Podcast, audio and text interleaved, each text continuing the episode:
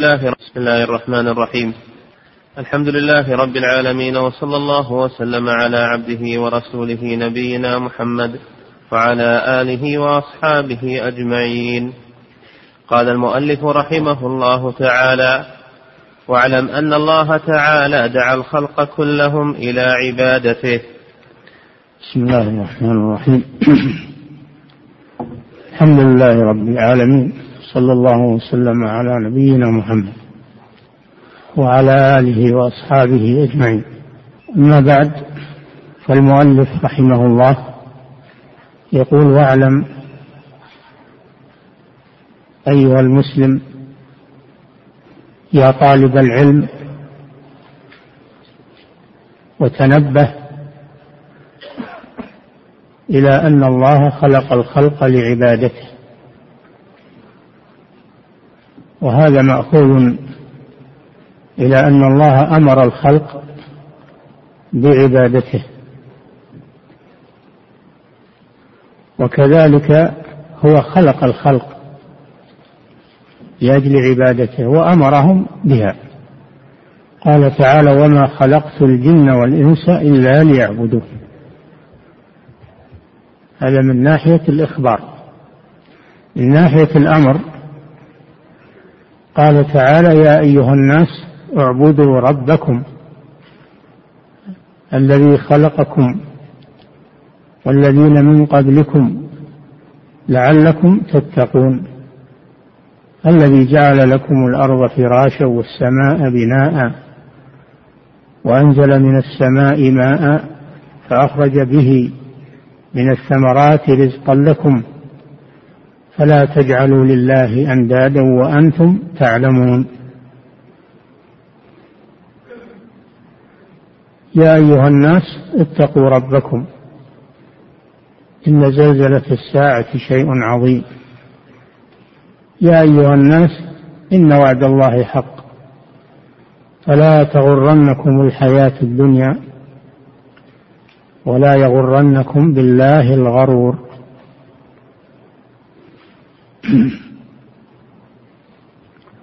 فهذا خطاب لجميع الناس مؤمنهم وكافرهم جنهم وإنسهم في أن يفردوا الله بالعبادة ولا يعبدوا معه سواه لأنه لا رب لهم إلا الله جل وعلا.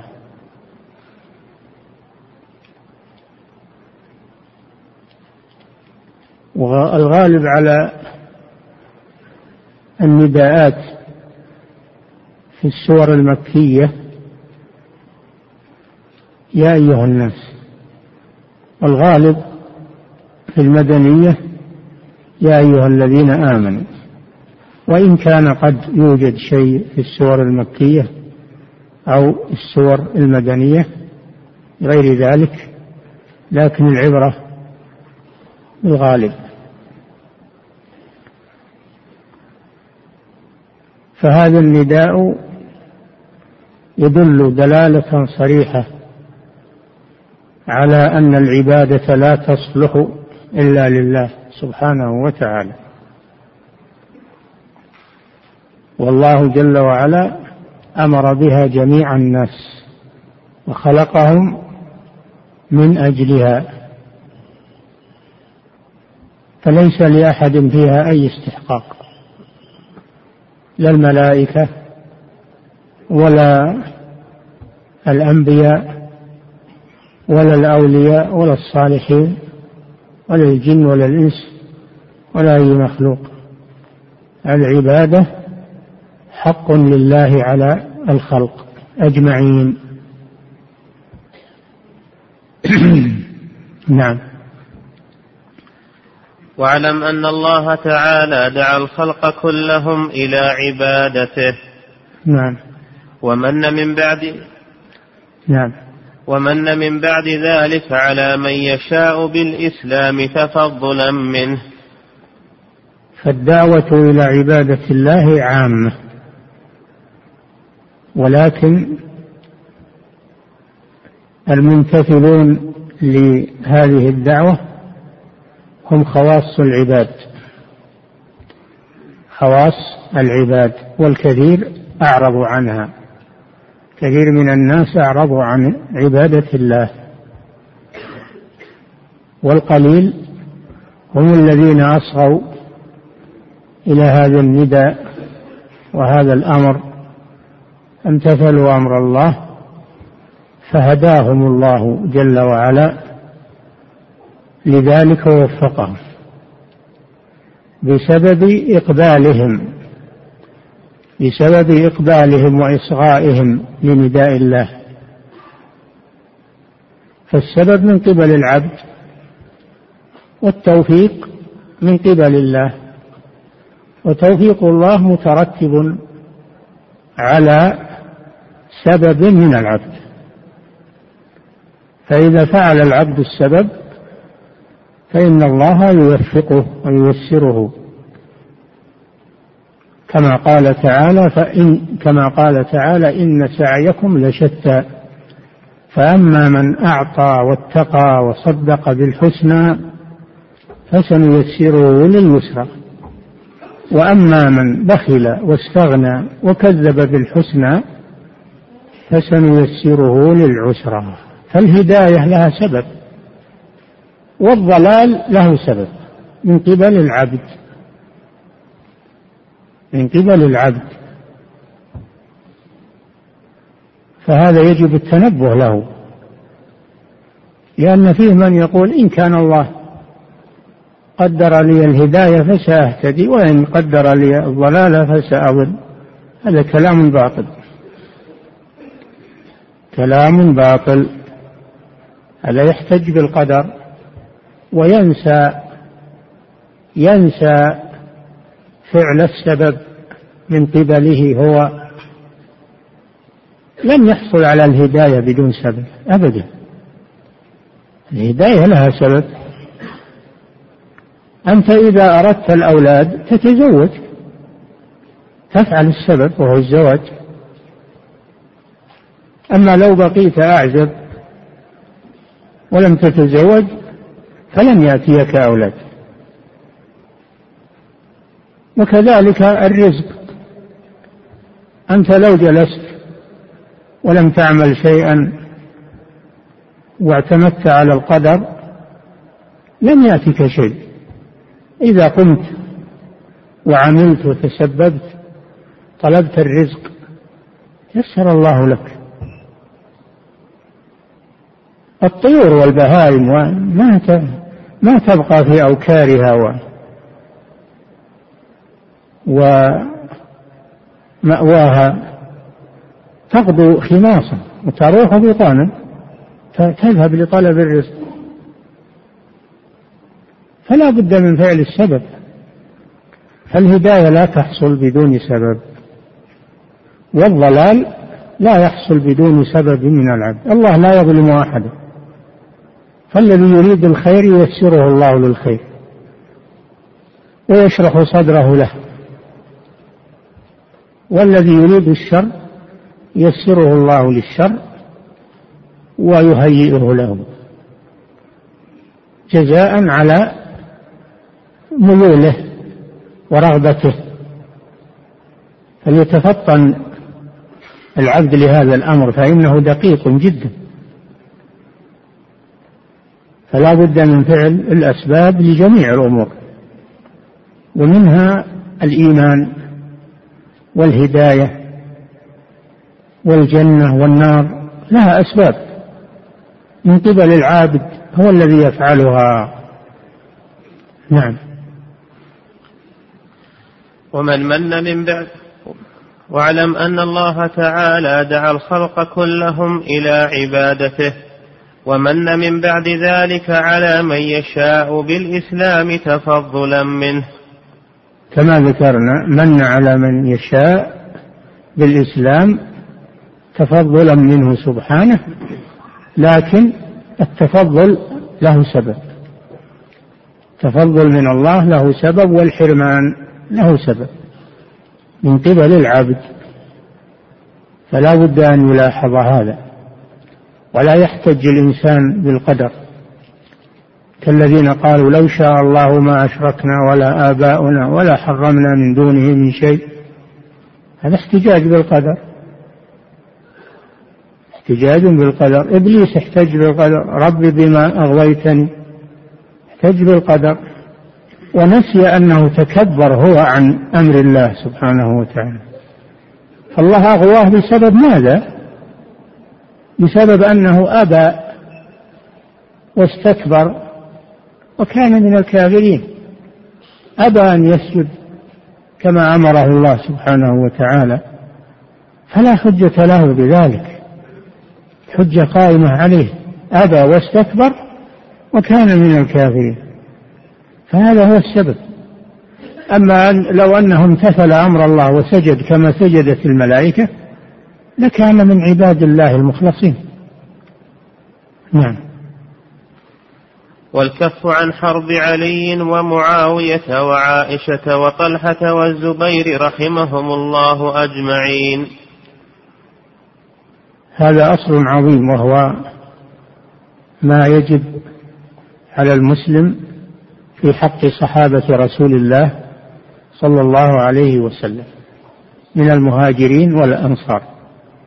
الذين آزروا الرسول صلى الله عليه وسلم وحموه وجاهدوا معه وبذلوا أموالهم وأنفسهم وتركوا ديارهم وأوطانهم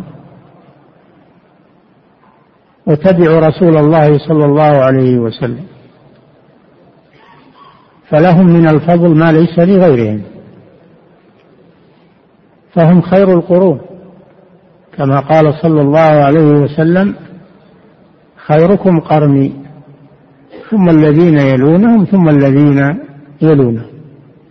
فخير القرون هم الصحابة رضي الله عنهم لما قاموا به من صحبة النبي صلى الله عليه وسلم ومناصرته ونشر دينه وتبليغه لمن جاء بعدهم. تبليغ هذا الدين لمن جاء بعدهم من الأمة. فحازوا على هذا الفضل الذي لا يساويهم فيه غيرهم. ولذلك الله جل وعلا أثنى عليهم ورضي عنهم. كما في كثير من الآيات في القرآن الكريم. قال تعالى لقد تاب الله على النبي والمهاجرين والأنصار الذين اتبعوه في ساعة العسرة. من بعد ما كاد يزيغ قلوب فريق منهم ثم تاب عليهم.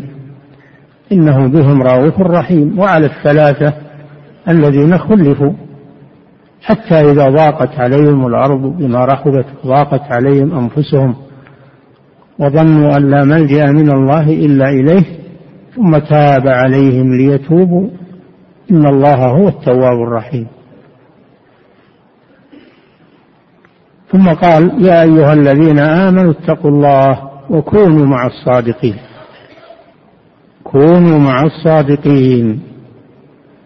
مع هؤلاء صحابة رسول الله صلى الله عليه وسلم.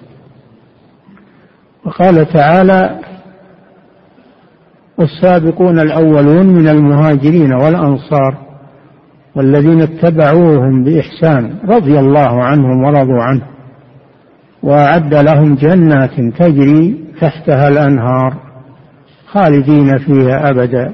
ذلك هو الفوز العظيم. قال تعالى لقد رضي الله عن المؤمنين إذ يبايعونك تحت الشجرة فعلم ما في قلوبهم فأنزل السكينة عليهم وأثابهم فتحا قريبا. قال تعالى محمد رسول الله والذين معه أشداء على الكفار رحماء بينهم تراهم ركعا سجدا. إلى آخر السورة من آخر سورة الفتح. هذه في الصحابة. وقال تعالى لما ذكر الفيء في سورة الحجر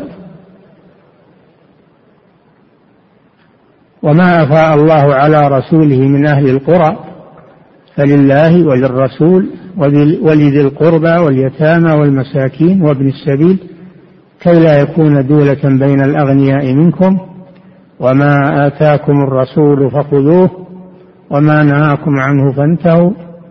واتقوا الله إن الله شديد العقاب للفقراء المهاجرين الذين أخرجوا من ديارهم وأموالهم يبتغون فضلا من الله ورضوانا وينصرون الله ورسوله. أولئك هم الصادقون. ثم ذكر الأنصار فقال والذين تبوأوا الدار والإيمان من قبلهم يحبون من هاجر إليهم. ولا يجدون في صدورهم حاجة مما أوتوا ويؤثرون على أنفسهم ولو كان بهم خصاصة ومن يوق شح نفسه فأولئك هم المفلحون والذين جاءوا من بعدهم يقولون ربنا اغفر لنا ولإخواننا الذين سبقونا بالإيمان ولا تجعل في قلوبنا غلا للذين آمنوا ربنا إنك رؤوف رحيم. هذا موقف المسلمين من صحابة رسول الله. ربنا اغفر لنا ولإخواننا الذين سبقونا بالإيمان. ولا تجعل في قلوبنا غلا للذين آمنوا. والغل هو البغض. ربنا إنك رؤوف رحيم. وفي السنة أحاديث كثيرة منها قوله صلى الله عليه وسلم لا تسبوا أصحابي هو الذي نفسي بيده لو أنفق أحدكم مثل أحد ذهبا ما بلغ مد أحدهم ولا نصيفه. لو تصدق واحد من المتأخرين غير الصحابة لو هو من التابعين. صدق مثل أو عدل جبل أحد من الذهب الخالص لوجه الله. لو يتصدق به لم يعادل في الأجر لم يعادل في الأجر ما يتصدق به الصحابي من المد من الطعام من الشعير من التمر أو نصف المد نصيفة. جبل من الذهب لا يعادل المد. من غيرهم لماذا؟ لفضلهم رضي الله عنهم فموقف المسلم من صحابة رسول الله صلى الله عليه وسلم احترامهم والترضي عنهم والاقتداء بهم واتباعهم والدفاع عن أعراضهم. هذا هو موقف المسلم. من صحابة رسول الله. وحبهم من حب الرسول صلى الله عليه وسلم. فمن كان يحب رسول الله فليحب أصحابه. ومن كان يبغض الصحابة فهو يبغض رسول الله صلى الله عليه وسلم. فمن قال صلى الله عليه وسلم من أحبهم فبحبي أحبهم. فبحبي أحبهم.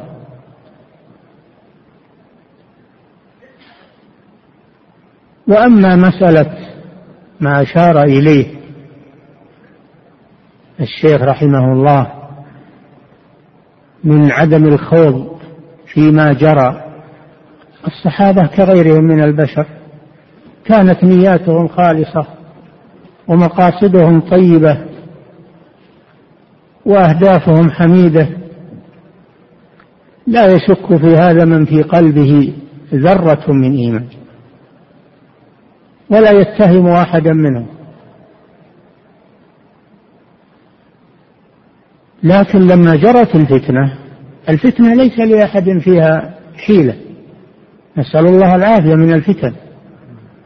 لما جرت الفتنة في عهدهم بسبب الخبيث اليهودي عبد الله بن سبأ الذي أظهر الإسلام ثم جاء وجعل يطعن في خليفة رسول الله صلى الله عليه وسلم عثمان رضي الله عنه يطعن فيها ويجتمع عليه الغوغاء من الناس والذين يحبون الشر ويحبون الفوضى لا يخلو زمان من أمثال هؤلاء. الناس لو وجدوا من يقودهم إلى الشر لاجتمعوا عليه إلا من رحم الله. يحبون الغوغاء والتشويش يحبون الكلام في ولاة الأمور يحبون إفساد الأمر وتفريق الكلمة. يوجد هذا في الناس. فإذا وجدوا من يدعو إلى هذا فاجتمعوا عليه. فاجتمع على هذا الخبيث من اجتمع. وكان المسلمون أمة واحدة تحت خليفة واحد هو عثمان رضي الله عنه ثالث الخلفاء الراشدين. فأثر عليهم هذا الخبيث وانتهى الأمر بقتل عثمان رضي الله عنه. انتهى الأمر بقتل عثمان. خليفة رسول الله صلى الله عليه وسلم وأمير المؤمنين وثالث الخلفاء الراشدين. فلما قتلوا عثمان اندلعت الفتنة اندلعت الفتنة بين المسلمين وغار المسلمون لقتل عثمان من بينهم وأرادوا الانتقام ممن قتله. أرادوا الانتقام ممن قتله. فتكون من ذلك وقعة الجمل بين وقعة الجمل بين الصحابة بين الصحابة الذين يريدون القصاص من قتلة عثمان ويطالبون بالقصاص. وخرجوا من المدينة.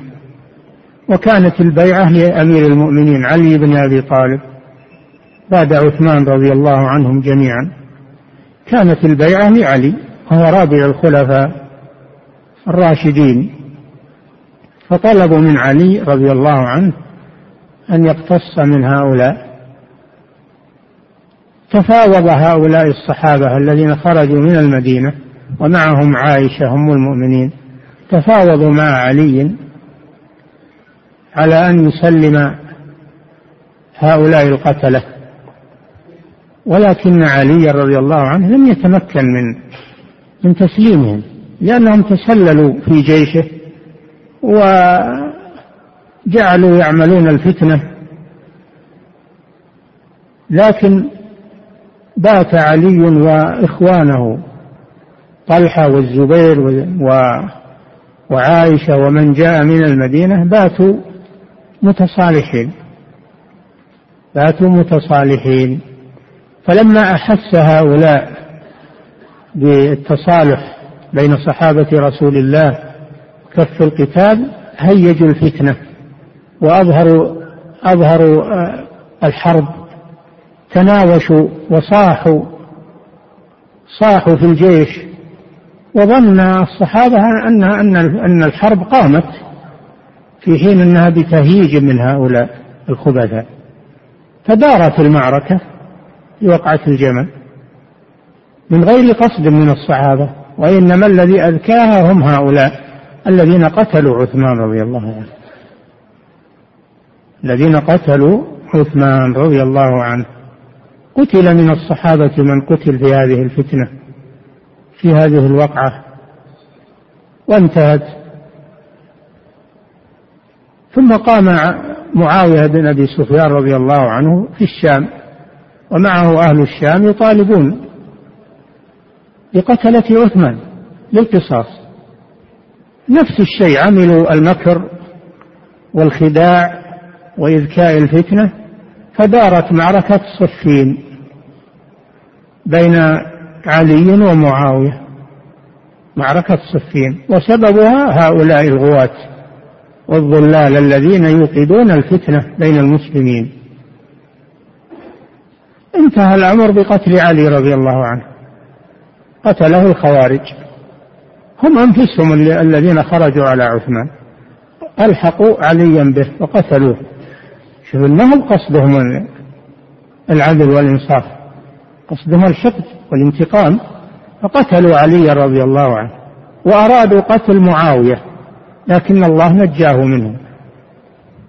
أرادوا قتل معاوية وعمرو بن العاص لكن الله نجى معاوية وعمرو بن العاص ونفذ قدر الله في علي رضي الله عنه.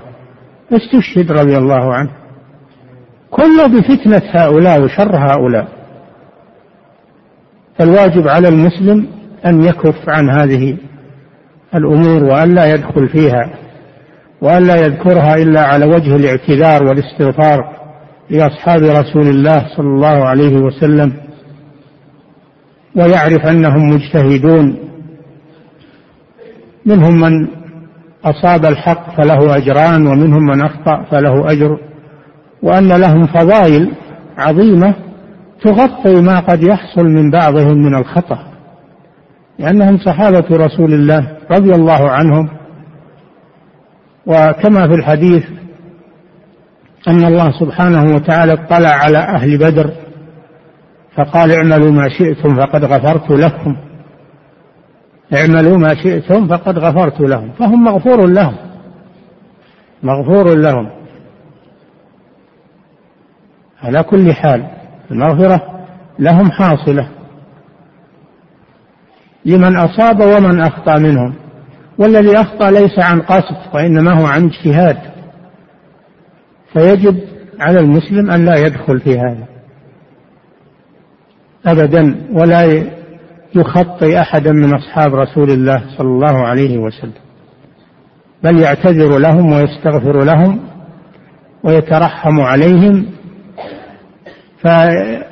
فيكون من الذين قال الله جل وعلا فيهم والذين جاءوا من بعدهم يقولون ربنا اغفر لنا ولإخواننا الذين سبقونا بالإيمان.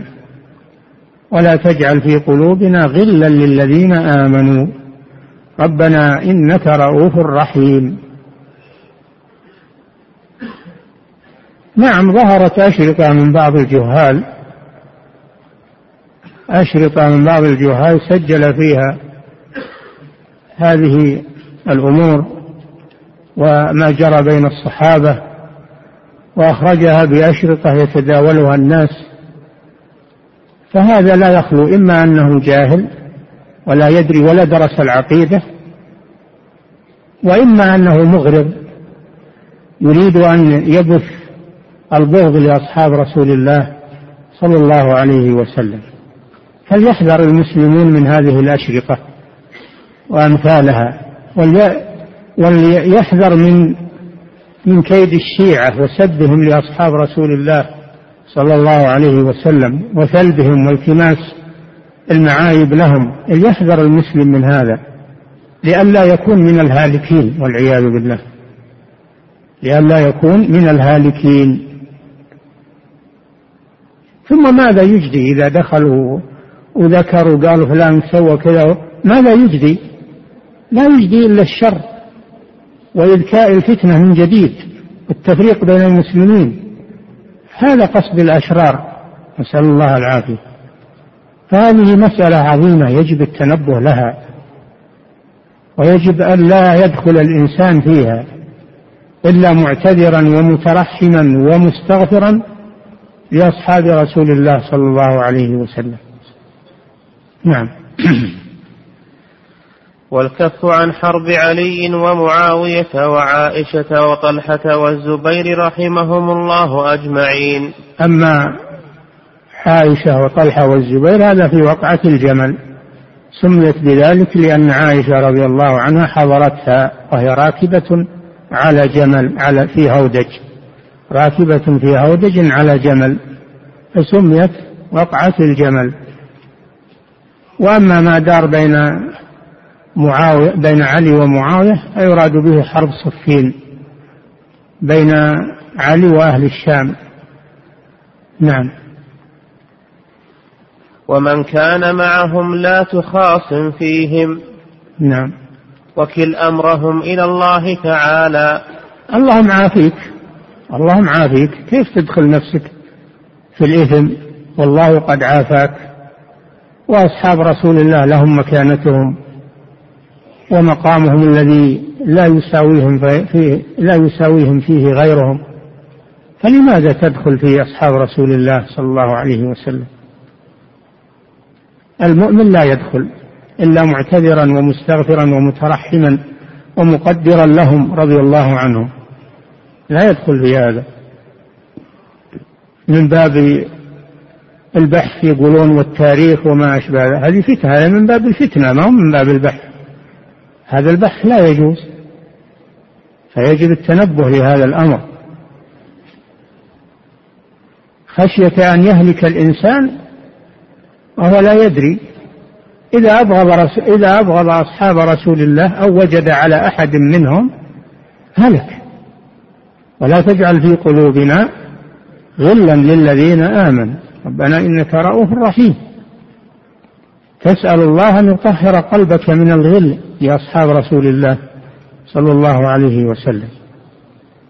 أو تخطئة بعضهم تصويب بعضهم. الله ما كلفك بهذا. ولما سئل عمر بن عبد العزيز رضي الله عنه عن ما دار بين الصحابة قال رضي الله عنه أولئك قوم طهر الله أيدينا من دمائهم فنطهر ألسنتنا من أعراضهم. نطهر ألسنتنا من أعراضهم كما طهر الله أيدينا من دمائهم. كلام عظيم هذا. وهذا وهذا ينطبق عليه قوله تعالى ربنا اغفر لنا ولإخواننا الذين سبقونا بالإيمان ولا تجعل في قلوبنا غلا للذين آمنوا. قال شيخ الإسلام ابن تيمية رحمه الله في العقيدة الواسطية ومن أصول أصحاب ومن أصول العقيدة من أصول العقيدة الصحيحة من أصول أهل السنة والجماعة من أصول أهل السنة والجماعة سلامة قلوبهم وألسنتهم لأصحاب رسول الله صلى الله عليه وسلم. سلامة قلوبهم ولا تجعل في قلوبنا غلا للذين آمنوا. سلامة ألسنتهم ربنا اغفر لنا ولإخواننا الذين سبقونا بالإيمان. هذا من أصول أهل السنة والجماعة. سلامة قلوبهم وألسنتهم لأصحاب رسول الله صلى الله عليه وسلم. نعم. لا تخاصم فيهم وكل أمرهم إلى الله تعالى. اعتقاد. ما لا تتوقف.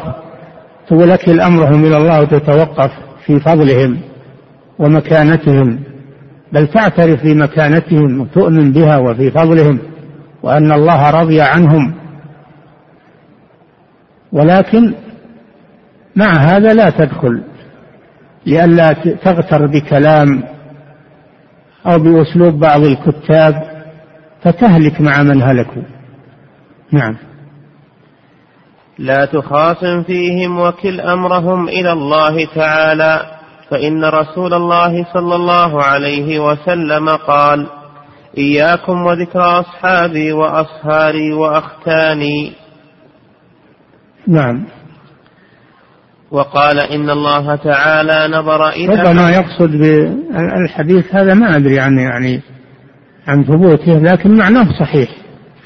معناه صحيح وأصهاره وأختانه هم أهل بيته علي بن أبي طالب رضي الله عنه وعثمان لأن عثمان تزوج بنتي الرسول صلى الله عليه وسلم فهو من أختانه ومن أصهاره. علي رضي الله عنه تزوج فاطمة بنت محمد صلى الله عليه وسلم. نعم. وقال صلى الله عليه وسلم إن الله وكذلك وكذلك الرسول صلى الله عليه وسلم تزوج عائشة بنت أبي بكر وتزوج حفصة بنت عمر فهم أصهاره وأختانه. منهم من زوج الرسول ومنهم من تزوج من بنات الرسول. فهم أصهاره وأختانه. نعم. وقال صلى الله عليه وسلم إن الله تعالى نظر إلى أهل بدر فقال اعملوا ما شئتم فقد غفرت لكم. هذا الحديث له سبب وهو أن النبي صلى الله عليه وسلم لما خرج لفتح مكة في شهر رمضان وكان عليه الصلاة والسلام متكتما لا يريد أن يصل إلى أهل مكة خبر خروجه. ولكن واحدا من صحابة رسول الله تأول فكتب إلى أهل مكة يخبرهم بخروج الرسول صلى الله عليه وسلم وهو حاطب بن أبي بلتعة رضي الله عنه. تأول واجتهد فكتب. فأطلع الله رسوله صلى الله عليه وسلم على هذا الأمر فأرسل عليا وخالد بن الوليد في أثر امرأة أرسل معها حاطب هذا الخطاب فأدركاها في مكان وأخذ منها الخطاب وجاء به إلى رسول الله صلى الله عليه وسلم قد قال لهم إنكم ستدركونها في موضع كذا فأدركوها كما قال النبي صلى الله عليه وسلم فأخذوا منها الخطاب وجاءوا به إلى الرسول فلما قرأه الرسول أو قرئ على الرسول صلى الله عليه وسلم دعا حاطب. دعا حاطب بن أبي بلتعة وقال لماذا فعلت كذا؟ قال يا رسول الله لم أفعل هذا شكا في ديني ولا نفاقا ولكني تيقنت أن الله سينصركم وأن كتابي هذا لا يضركم وأنا لي أموال ولي أقارب في مكة أخشى عليهم فأردت أن أتخذ يدا عند أهل مكة ألا يضروا أقاربي الذين في مكة. تأول فقال صلى الله عليه وسلم لقد صدقكم لقد صدقكم. فهو فعله عن اجتهاد مع علمه أن الله سينصر رسوله صلى الله عليه وسلم وأن هذا الخطاب لا يضر رسول الله صلى الله عليه وسلم ولا أصحابه. وإنما فعله عن تأول واجتهاد منه فعذره رسول الله صلى الله عليه وسلم. عذره رسول الله صلى الله عليه وسلم. فهم بعض الصحابة بقتله واستأذن النبي صلى الله عليه وسلم وكان حاطب ممن حضر بدرا. فقال لا تدري لعل الله اطلع على أهل بدر فقال اعملوا ما شئتم فقد غفرت لكم. إذا فيكون حاطب رضي الله عنه مغفورا له مغفورا له ما حصل منه. وهذا من فضائل أصحاب رسول الله أنهم إذا حصل منهم خطأ فإن الله قد غفره لهم بسبب سوابقهم في الإسلام ومقاماتهم في الإسلام. فإن الله قد غفر لهم. ما يحصل منهم ومنهم حاطب فقد غفر الله له بسبب أنه من أهل بدر وأنه صدق ما راوغ عند الرسول صلى الله عليه وسلم وإنما صدق في قوله. نعم. واعلم أنه لا يحل مال امرئ مسلم وبالمناسبة فإن بعض المتعالمين الآن يطعن في حافظ بن أبي بلتع ويقول انه نافق النفاق الأكبر والعياذ بالله ويطعن فيه فهذا من سوء العقيدة أو من الجهل في هذا الصحابي الجليل رضي الله عنه. نعم. واعلم أنه لا يحل مال امرئ مسلم إلا بطيبة من نفسه. نعم. كذلك من احترام المسلمين احترام دمائهم وأموالهم. وأعراضهم احترام دمائهم واحترام أموالهم واحترام أعراضهم لأن من أسلم فقد حمى دمه وحمى ماله وحمى عرضه. فلا يجوز التعدي على المسلم. قال صلى الله عليه وسلم كل المسلم على المسلم حرام دمه وماله وعرضه.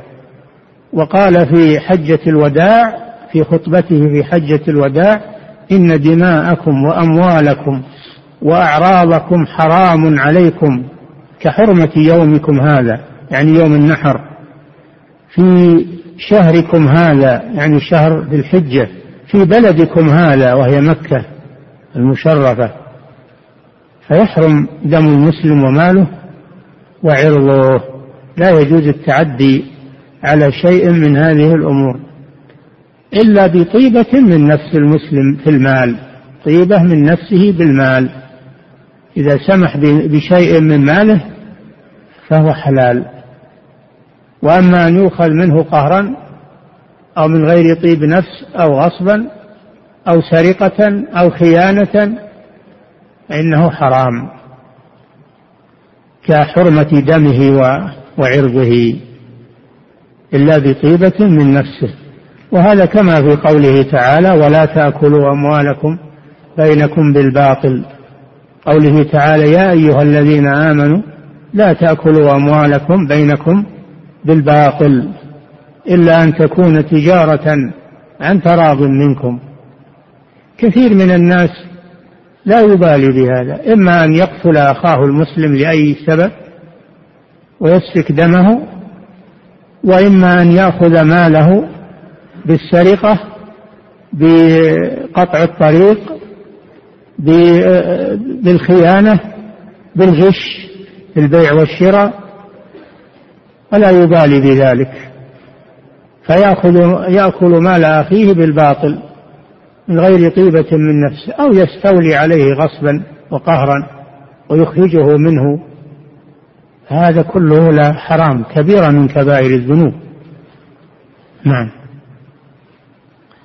واعلم أنه لا يحل مال امرئ مسلم إلا بطيبة من نفسه. بعض الناس يظن أنه بطيبة من نفسه أنه يقصد الغصب وأنه لا لا يجوز الغصب. أخذ مال المسلم غصبا. هذا وجه من وجوه استباحة مال المسلم. ولكن الخديعة في البيع والشراء والغش في البيع والشراء والقمار والميسر والربا كل هذا من الباطل. المعاملات المحرمة المعاملات المحرمة التي انغمس فيها كثير من الناس اليوم هي من أكل أموال الناس بالباطل. نعم. وإن كان مع رجل مال حرام فقد ضمنه. نعم. وإن كان مع رجل مال حرام فقد ضمنه. نعم. إذا إذا أخذ مال أخيه بغير حق بأي نوع من أنواع الأخذ؟ فإنه مضمون عليه مضمون عليه حتى يؤديه إلى صاحبه لأنه لا بد من أداء المظالم إلى أصحابها قبل الموت. وإلا فإن أصحابها سيقتصون من الظالم يوم القيامة. يقتصون من حسناته. حتى ربما لا تبقى له حسنة. ثم تؤخذ من سيئات المظلومين فتحمل عليه ويلقى في النار والعياذ بالله. فمال المسلم ولو أخذته بغصب لو أخذته بمعاملة محرمة لو أخذته بقهر بسرقة فإنه مضمون لا بد أن تؤديه إما في الدنيا وإما في الآخرة. فتنبه لذلك. هو مضمون عليك. ولا بد من أدائه في الدنيا أو في الآخرة. وأداؤه في الدنيا أسهل من أدائه في الآخرة. فلا يتوقف إنسان عنده مال للناس يتوقف في رده في في في دنياه قبل أن يموت. يبادر بذلك. من كان من كانت من كانت عنده مظلمة لأخيه فليتحلل منه اليوم قبل أن لا يكون دينار ولا درهم يعني في الآخرة. كان له حسنات أخذ من حسناته وإلا أخذ من سيئات المظلومين فطرحت عليه فطرح في النار. فمال الغير مضمون في الدنيا وفي الآخرة. فإذا سلمت في الدنيا فلن تسلم في الآخرة لأن أموال الناس محرمة. نعم. لا يحل لأحد أن يأخذ منه شيئا إلا بإذنه. لا يحل لأحد أن يأخذ من مال أخيه شيئا إلا بإذنه حتى وله حرام. لو أنك تعلم أن المال ما هو له تقول هذا ما هو بله. أباخذ منه؟ لا. لا تأخذ منه. مضمون عليه. هو المسؤول عنه. فإذا أخذته شاركته في الظلم إذا أخذته وأنت تعلم أنه حرام فقد شاركته في الظلم. فاتركه لا تأخذ منه شيئا. نعم. وإن كان مع رجل مال حرام فقد ضمنه لا يحل لأحد أن يأخذ منه شيئا إلا بإذنه فإنه عسى أن يتوب هذا فيريد أن يرده على أربابه فأخذت حراما. فلا يجوز أخذك من شيء تعلم أنه حرام ومن مكسب حرام. لأمور أولا أن هذا تعلم أنه حرام. فكيف تستحله؟ وأن تعلم أنه حرام وأن هذا الشخص لا يملكه. ثانيا لو تاب لو تاب هذا الظالم وأراد أن يرد المال وقد أخذته أو أخذت منه فإنه لا يتمكن من رده. لا يتمكن من رده. ثالثا ثالثا أنك تكون شريكا له. في الجريمة. تكون شريكا له في الجريمة والظلم. نعم. والمكاسب ما بان لك صحته فهو مطلق. المكاسب قال صلى الله عليه وسلم إن الحلال بين وإن الحرام بين وبينهما أمور مشتبهات. فمن اتقى الشبهات فقد استبرأ لدينه وعرضه. الحلال البين يؤخذ. وهذا هو الأصل. الأصل في المعاملات الحل إلا ما تبين أنه حرام. وكذلك الحرام بين حرمت عليكم البيتة والدم ولحم الخنزير وما أهل لغير الله به حرمت عليكم الميتة والدم ولحم الخنزير وما أهل لغير الله به. وكذلك الميسر والقمار والخمر هذا حرام بنص القرآن. حرم عليكم حرمت عليكم السرقة والغصب وأكل أموال الناس بالباطل هذا بين حرام بين حرام بين. الحلال الطيب كل ما لم يرد نهي عن أخذه فإنه حلال الأصل خلق لكم ما في السماوات خلق لكم ما في السماوات وما في الأرض جميعا منه. هذا هو الأصل. أنه حلال. تأخذ منه. هذا من الحلال البين.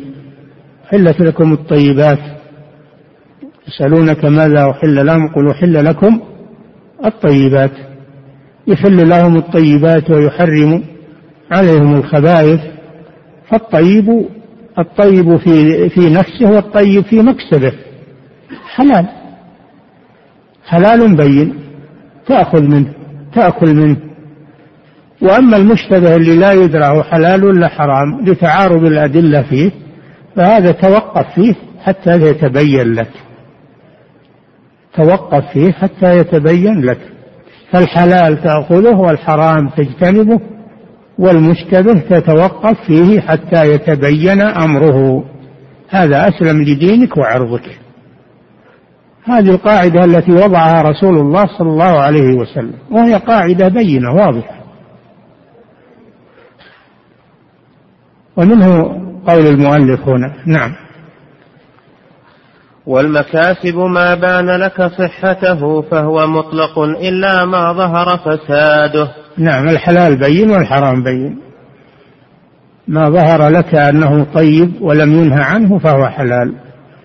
ما نهي عنه أو كان مشتملا على خبث أو غصب أو خديعة أو, أو غير ذلك فهو حرام. نعم. فإن كان فاسدا يأخذ من الفاسد ممسكة نفسه. هذه مسألة الضرورة. هذه مسألة الضرورة. إذا خاف الإنسان على نفسه الهلاك إن لم يأكل فإنه يأكل مما عنده ما يبقي عليه حياته. ولو كان هذا المال حراما لو كان ميتة أو أو أو لحم خنزير أو غير ذلك يأكل منه لأجل الضرورة لئلا يموت. حرمت عليكم الميتة والدم ولحم الخنزير. قل إنما إنما حرم عليكم الميتة والدم ولحم الخنزير وما أهل به لغير الله فمن اضطر غير باغ ولا عاد فلا إثم عليه. إن الله غفور رحيم. فتأخذ من الحرام قدر ما يمسك عليك حياتك ثم تمسك. تمسك عن الباقي. هذا للضرورة.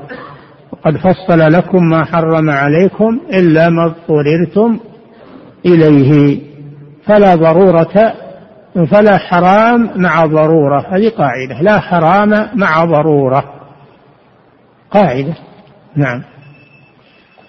فإن كان فاسدا يأخذ من الفاسد ممسكة نفسه. إلا ما اضطررتم إليه. نعم. ولا تقل أترك المكاسب وآخذ ما أعطوني. بعض الناس يقول أنا متوكل على الله وأنا بجلس للعبادة ولطلب العلم ويعطوننا الناس. يعطوننا الناس ويترك المكاسب. هذا لا يجوز. بل عليك أن تطلب الرزق الذي يكفيك. ويكفي من تلزمك مؤونتهم من زوجتك وأولادك ومن في بيتك. عليك أن تطلب الرزق وهذا من العبادة. هذا من العبادة.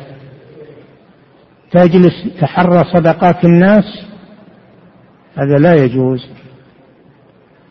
بل عليك أن تطلب الرزق. قال الله جل وعلا وتزودوا فإن خير الزاد التقوى. تزودوا. نزلت هذه الآية في الحج. لأن يوجد في عهد النبي صلى الله عليه وسلم أقوام يحجون وليس معهم زاد. ويقولون نحن المتوكلون. فأنزل الله هذه الآية. تزودوا فإن خير الزاد التقوى. لما نبه على أخذ الزاد لسفر الدنيا نبه على أخذ الزاد لسفر الآخرة. وهو التقوى. تزودوا فإن خير الزاد التقوى. ثم قال جل وعلا ليس عليكم جناح أن تبتغوا فضلا من ربكم. كانوا يتحرجون من البيع والشراء في المشاعر أيام الحج. الله رفع هذا الحرج. رفع هذا الحرج. ليس عليكم جناح أن تبتغوا فضلا من ربكم. بيعوا واشتروا في في المشاعر وأنتم حجاج. ما يخالف لا بأس. لأن هذا تستغني به عن الناس وهذا تثاب عليه. فلا يجوز للإنسان أنه يترك الكسب ويجلس للعبادة والتسبيح والتهليل و... ويقول أنا الله يبي يجيب لي رزق. لا هذا لا يجوز. الله نهى عن هذا. ويصير ذليل يتحرى ما بأيدي الناس. لا. يطلب الرزق ولو بأدنى الحرف حتى لو يكون حجاما أو كناسا. يطلب الرزق ولو بأدنى الحيل ولو بأدنى المكاسب ولو هي ما هي بشريفة. كونك حجام أحسن من كونك شحال. تنبهوا لذلك. كونك حجام أو كالناس تتعيش من كسبك أحسن من كونك شحال. تسأل الناس. جاء رجل يسأل النبي صلى الله عليه وسلم فقير النبي صلى الله عليه وسلم طلب ما عنده فأحضر شيء يسير فباعه النبي صلى الله عليه وسلم واشترى به له فاس اشترى به له فاس وقال له خذ هذا واذهب ولا أراك كذا وكذا من الأيام. ذهب الرجل وحطب وباع وحطب وباع وحطب وباع واجتمع عنده دراهم فجاء إلى النبي صلى الله عليه وسلم وأخبره قال هذا خير لك من أن تسأل الناس أعطوك أو منعوك؟ يعني الكسب طلب الرزق ولو تحطب على رأسك تبيع أجل لك منك تسأل الناس. نعم. ولا تقل أترك المكاسب وآخذ ما أعطوني. يعني ما أعطاني الناس تناظر يدي الناس. نعم. لم يفعل هذا الصحابة رضي الله عنهم ولا العلماء إلى زماننا هذا. لم يفعل هذا القول أو هذا الرأي أحد من صحابة رسول الله وهم أتقى الناس وأعبد الناس لله عز وجل بل كانوا أصحاب أعمال. كان منهم مزارعون وكان منهم تجار يتاجرون بالبيع والشراء منهم أبو بكر ومنهم الزبير ومنهم آه، آه، الزبير بن العوام ومنهم ومنهم آه، عبد الرحمن بن عوف منهم عثمان بن عفان أصحاب أموال من الصحابة يبيعون ويشرون وهم أفضل الصحابة. عثمان و وعبد الرحمن بن عوف من العشرة المبشرين بالجنة. ومع هذا تجار من تجار الصحابة. وكانوا ينفقون في سبيل الله ويجهزون الجيوش من أموالهم. ما تركوا ما تركوا طلب الرزق. أبو بكر كان يبيع ويشري ويساعد رسول الله من من بعثه الله في مكة وهو يساعده من ماله. يساعده من ماله رضي الله عنه في مواقفه المشهورة. من مال أبي بكر. يطعم المساكين ويشري يشتري العبيد المعذبين ويعتقهم كبلال وغيره. هذا أبو بكر رضي الله عنه ما ترك الكسب. وقال أنا أجلس وأعبد الله وأنا من أصحاب رسول الله. أبدا. ما كانوا يفعلون هذا. نعم. قال عمر بن الخطاب رضي الله عنه كسب فيه بعض الدنية خير من الحاجة إلى الناس. هذا كما ذكرنا. كونك تحترف حرفة فيها دناءة تأخذ منها أجرا تنفقه على نفسك خير من سؤال الناس. خير من سؤال الناس والذلة لهم. نعم. والصلوات الخمس جائزة خلف من صليت. يكفي هذا نقف على هذا. نعم. أحسن الله إليكم. أحسن الله إليكم صاحب الفضيلة. أسئلة كثيرة وردت. هذا ما تيسر منها. هذا سائل يقول ما معنى قول الله تعالى يا أيها الذين آمنوا لا يضركم من ضل إذا اهتديتم؟ معناها أن الإنسان لا ينظر إلى الناس إذا هلكوا ويقول هذا أمر عام وهذه أمور ما لنا حيلة ويدخل فيها. عليه أنه ينجو بنفسه. مع أمره بالمعروف ونهي عن المنكر. يأمر بالمعروف وينهى عن المنكر. ولا يقول الناس كلهم على هذا ولا أقدر. ويفعل مثل فعلهم. عليكم أنفسكم. أي الزموا أنفسكم. لا يضركم من ضل إذا اهتديتم. ليس معناه أن الإنسان يترك الأمر بالمعروف والنهي عن المنكر. لأن الذي يترك الأمر بالمعروف والنهي عن المنكر ليس مهتديا. إذا اهتديتم ومن الاهتداء الأمر بالمعروف والنهي عن المنكر بحسب مقدرة الإنسان. لكن لا يغره ما عليه الناس ويتساهل ويقول أنا مثلهم أنا بس بجاريهم نعم. أحسن الله كما يقول بعض الناس اليوم وكثير من الناس. نعم. أحسن الله إليكم صاحب الفضيلة. وهذا سائل يقول يقول بعض الناس عندما يبلى بمعصية يقول قد بلاني الشيطان بها فالشيطان يبتلي بالشر والله يبتلي بالخير. فهل هذا القول صحيح؟ لا. قل كل من عند الله ما أصابك من حسنة فمن الله وما أصابك من سيئة فمن نفسك. فالحسنة فضل من الله أعطاك الله إياه. والسيئة من نفسك أنت الذي فعلتها وأنت الذي تسببت فيها. لا تسندها للشيطان. تسند أفعالك للشيطان. استغفر ربك وتب إلى الله واعترف بذنبك. الشيطان يضحك ويفرح إذا قلت كذا. لكن إذا استغفرت الشيطان يغتاظ وينقسم ظهره بالاستغفار. أما لو قلت هذا من الشيطان الشيطان يفرح بهذا. لكن إذا قلت أستغفر الله وأتوب إليه الشيطان ينخذل ويبلس ويحصل له من من الذلة ما لا يعلمه إلا الله.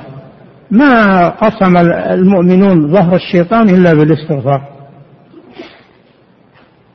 يقول أهلكتهم بالذنوب وأهلكوني بالاستغفار. فعليكم بالاستغفار. لا تقول هذا من الشيطان. نعم. أحسن الله إليكم صاحب الفضيلة وهذا سائل يقول هناك أمر قد أشكل علي وهو أن التداوي بالعلاج حكمه مباح. فهل إذا تركت العلاج ترتب على وترتب على ذلك هلاك نفسي فهل أكون آثما؟ لا ما تكون آثما. العلاج مباح إن فعلته فلا بأس وإن تركته فلا حرج. ومن المباح؟ متساوي الطرفين. بخلاف الأكل من الميتة هذا يقينا إذا لم تأكل تموت. لكن العلاج مو بلزوم قد تتعالج وتموت ولا ينفعك العلاج. العلاج ما هو مضمون. بخلاف الأكل من الميتة عند المسغبة هذا مضمون. أنه علاج مضمون. أنه سيبقي عليك حياتك. العلاج ما هو مضمون أنه يبقي عليك؟ حياتك. نعم. بينهما فرق. نعم. أحسن الله إليكم صاحب الفضيلة. نعم. أحسن الله إليكم صاحب الفضيلة. وهذا سائل يقول هل ثبتت هذه اللفظة عن النبي صلى الله عليه وسلم؟ هل؟ هل ثبتت هذه اللفظة عن النبي صلى الله عليه وسلم؟ خير الملوك معاوية. الله أعلم. ما أدري. نعم. معاوية صحابي رضي الله عنه يكفيه أنه صحابي من صحابة رسول الله صلى الله عليه وسلم وأنه صهر الرسول صلى الله عليه وسلم فأخته أم حبيبة زوجة رسول الله صلى الله عليه وسلم وهو كاتب الوحي أيضا من كتاب الوحي يكتب الوحي للرسول صلى الله عليه وسلم وله فضائل عظيمة رضي الله عنه. نعم. أحسن الله إليكم صاحب الفضل. ويكفيه من الفضل أن الله جمع المسلمين على يده وقمع الفتنة على يده وصارت خلافته وولايته رضي الله عنه جمعا للمسلمين وأخمد الفتنة وقضى على أصحاب الفتنة وساس المسلمين سياسة حسنة وقد أعطاه الله الحلم والرحمة والقوة فله فضائل رضي الله عنه. نعم. أحسن الله إليكم صاحب الفضيلة وهذا سائل يقول هل من فضل عليا على عثمان رضي الله عنهما يعتبر رافضي أو شيعي؟ لا ما يعتبر رافضي ولا شيعي. لا تفضيل علي على عثمان مسألة خلافية. قال بها بعض الصحابة وبعض العلماء فلا يعتبر هذا. ما يعتبر هذا من الرفض ولا من التشيع. نعم. إنما من قدم عليا على عثمان في الخلافة أو على أبي بكر وعمر فهذا رافضي. نعم. فالخلافة غير الفضيلة. لاحظوا هذا. نعم. أحسن الله إليكم صاحب الفضيلة وهذا السائل يقول هل هداية الدلالة والإرشاد قد يجعلها الله سبحانه وتعالى على يد مؤمن ناقص الإيمان؟ نعم. الداعية إلى الله يهدي يهدي إلى الله بمعنى أنه يبين بمعنى أنه يبين ويرشد. هداية الدلالة معناها البيان والإرشاد. وهذا يحصل من كل داعية. ولا يشترط في الداعية أن يكون كاملا. ما يشترط في الداعية أن يكون كاملا ليس له أخطاء. إنما يشترط فيه الإيمان. والعلم يشترط فيه الإيمان والعلم والعقيدة الصحيحة والمنهج السليم. ولو كان عنده بعض الأخطاء السهلة الجزئية اليسيرة. نعم. أحسن الله إليكم صاحب الفضيلة. وهذا سؤال قد تكرر. يقول أحدها لدي أشرطة تتكلم عن فتنة الصحابة. نعم. لدي أشرطة تتكلم عن فتنة الصحابة. نعم. رضي الله عنهم. ماذا أصنع بها؟ امسحها امسحها واجعل عليها اجعل عليها تسجيلا طيبا. والمسح سهل توديها لأصحاب التسجيلات فيسجلون عليها كلاما طيبا لك أو لغيرك. نعم. أحسن الله إليكم صاحب الفضيلة وهذا سائل يقول ما هو الرد على من يزعم أن عبد الله بن سبأ شخصية أسطورية ليس لها وجود في التاريخ؟ ما هم كذبين ما يستطيعون يكذبون التواتر. هذا متواتر عند المسلمين. عبد الله بن سبأ ما هو ما هو بشخصية وهمية شخصية معروفة ولا كذب عليه العلماء. مهما قالوا إنه وهمية هم الذين يريدون من ذلك عد يعني يريدون من ذلك عدم بيان أصلهم الذي بنوا عليه. هذا قصدهم. يريدون عدم بيان أصلهم الفاسد الذي بنوا عليه ولم يغطوا الشمس بالثياب. الشمس واضحة ولله الحمد. وما كان العلماء والمؤرخون ليكذبوا ويأتوا بشخصية وهمية. نعم. أحسن الله إليكم صاحب الفضيلة وهذا السائل يقول هل يجوز تفضيل عمر بن عبد العزيز على معاوية رضي الله عنه؟ لا. لا يجوز هذا. الصحابة لا يفضل عليهم أحد. الصحابة لا يفضل عليهم أحد أبدا ولا يجوز هذا. لا عمر بن عبد العزيز ولا غيره. عمر بن عبد العزيز رضي الله عنه له فضله وله مكانته وعلمه وهو من المجددين في الإسلام لكنه لا يساوي أو يقارب أحدا من الصحابة لا معاوية ولا غيره نعم. أحسن الله إليكم صاحب الفضيلة وهذا السائل يقول ما ذكره فضيلتكم من الاعتذار والاستغفار والترحم لأصحاب رسول الله صلى الله عليه وسلم وما وقع في وقعتي الجمل وصفين هل نعلمه لطلابنا في المدارس ونذكره لهم؟ إذا كان عندكم في التاريخ مذكور اشرحوا لهم أما إذا كان ما هو في التاريخ ولا في المقرر ليس في المقرر لا لهم شيء ليس في المقرر. أما إذا كان مكتوب في المقرر فلا بد من توضيحه وبيانه. نعم. أحسن الله إليكم صاحب الفضيلة وهذا سائم يقول هل كلمة سيدنا لأبي بكر رضي الله عنه وباقي الصحابة رضي الله عنهم جائزة؟ وهل جاء حديث عن النبي صلى الله عليه وسلم يقول لا تسيدوني في الصلاة؟ أما هل جاء لا تسيدوني في الصلاة فلا أعلم ما أدري. وأما قول سيدنا أبو هريرة سيدنا أبو بكر هذا من تقديرهم عند بعض الناس يعتبرونه من التقدير لهم والاحترام لهم فلا بأس بذلك إن شاء الله. نعم. أحسن الله إليكم صاحب الفضيلة. وهذا سؤال قد تكرر. يقول أحدها هناك من يقول أن الشيخ ابن باز رحمه الله كان يفتي قبل موته على أن حاطب بن أبي بلتعة قد وقع في الكفر بعمله وينشر ذلك بين الناس. فهل هذا القول صحيح عن الشيخ ابن باز؟ وما حكم نقله وإشاعته؟ برأ الله الشيخ ابن باز ونزه عن هذا الكلام الخبيث. هذا يكذب على الشيخ ابن باز. ونحن خالطنا الشيخ ابن باز وعملنا معه وجالسناه إلى آخر لحظة وهو على فراش الموت ولا سمعنا من هذا الكلام. ولا يمكن يصدر هذا من الشيخ ابن باز أبدا. لكن هذا كذاب ودجال. نعم. الشيخ توفي وعالم إنه ما هو براد عليه فراح يكذب عليه. نعم. أحسن الله إليكم صاحب الفضيلة وهذا السائل يقول عندما نقرأ عن فضائل الصحابة رضي الله عنهم. عندما عندما نقرأ عن فضائل الصحابة رضي الله عنهم وعن جهادهم وزهدهم وقوة إيمانهم نقول يا ليتنا معهم أو يا ليتنا جاهدنا معهم مع النبي صلى الله عليه وسلم. فهل هذا القول صحيح وهل هذا التمني جائز؟ لا ما يصلح هذا ما يصلح أنك تتمنى أنك معهم لأنك قد تكون معهم ولا ولا تصبر. ما تدري. لعلك لا تصبر. في ناس لم يصبروا. كانوا معهم ولم يصبروا. وظلوا ونافقوا والعياذ بالله. فلا تدري. لكن كونك يكفي أنك تحبهم وترضى عنهم وتستغفر لهم وتتبعهم. هذا هذا يكفي منك. هذا يكفي منك في حقهم. وتدفع وتدافع عن أعراضهم. هذا يكفي منك. نعم.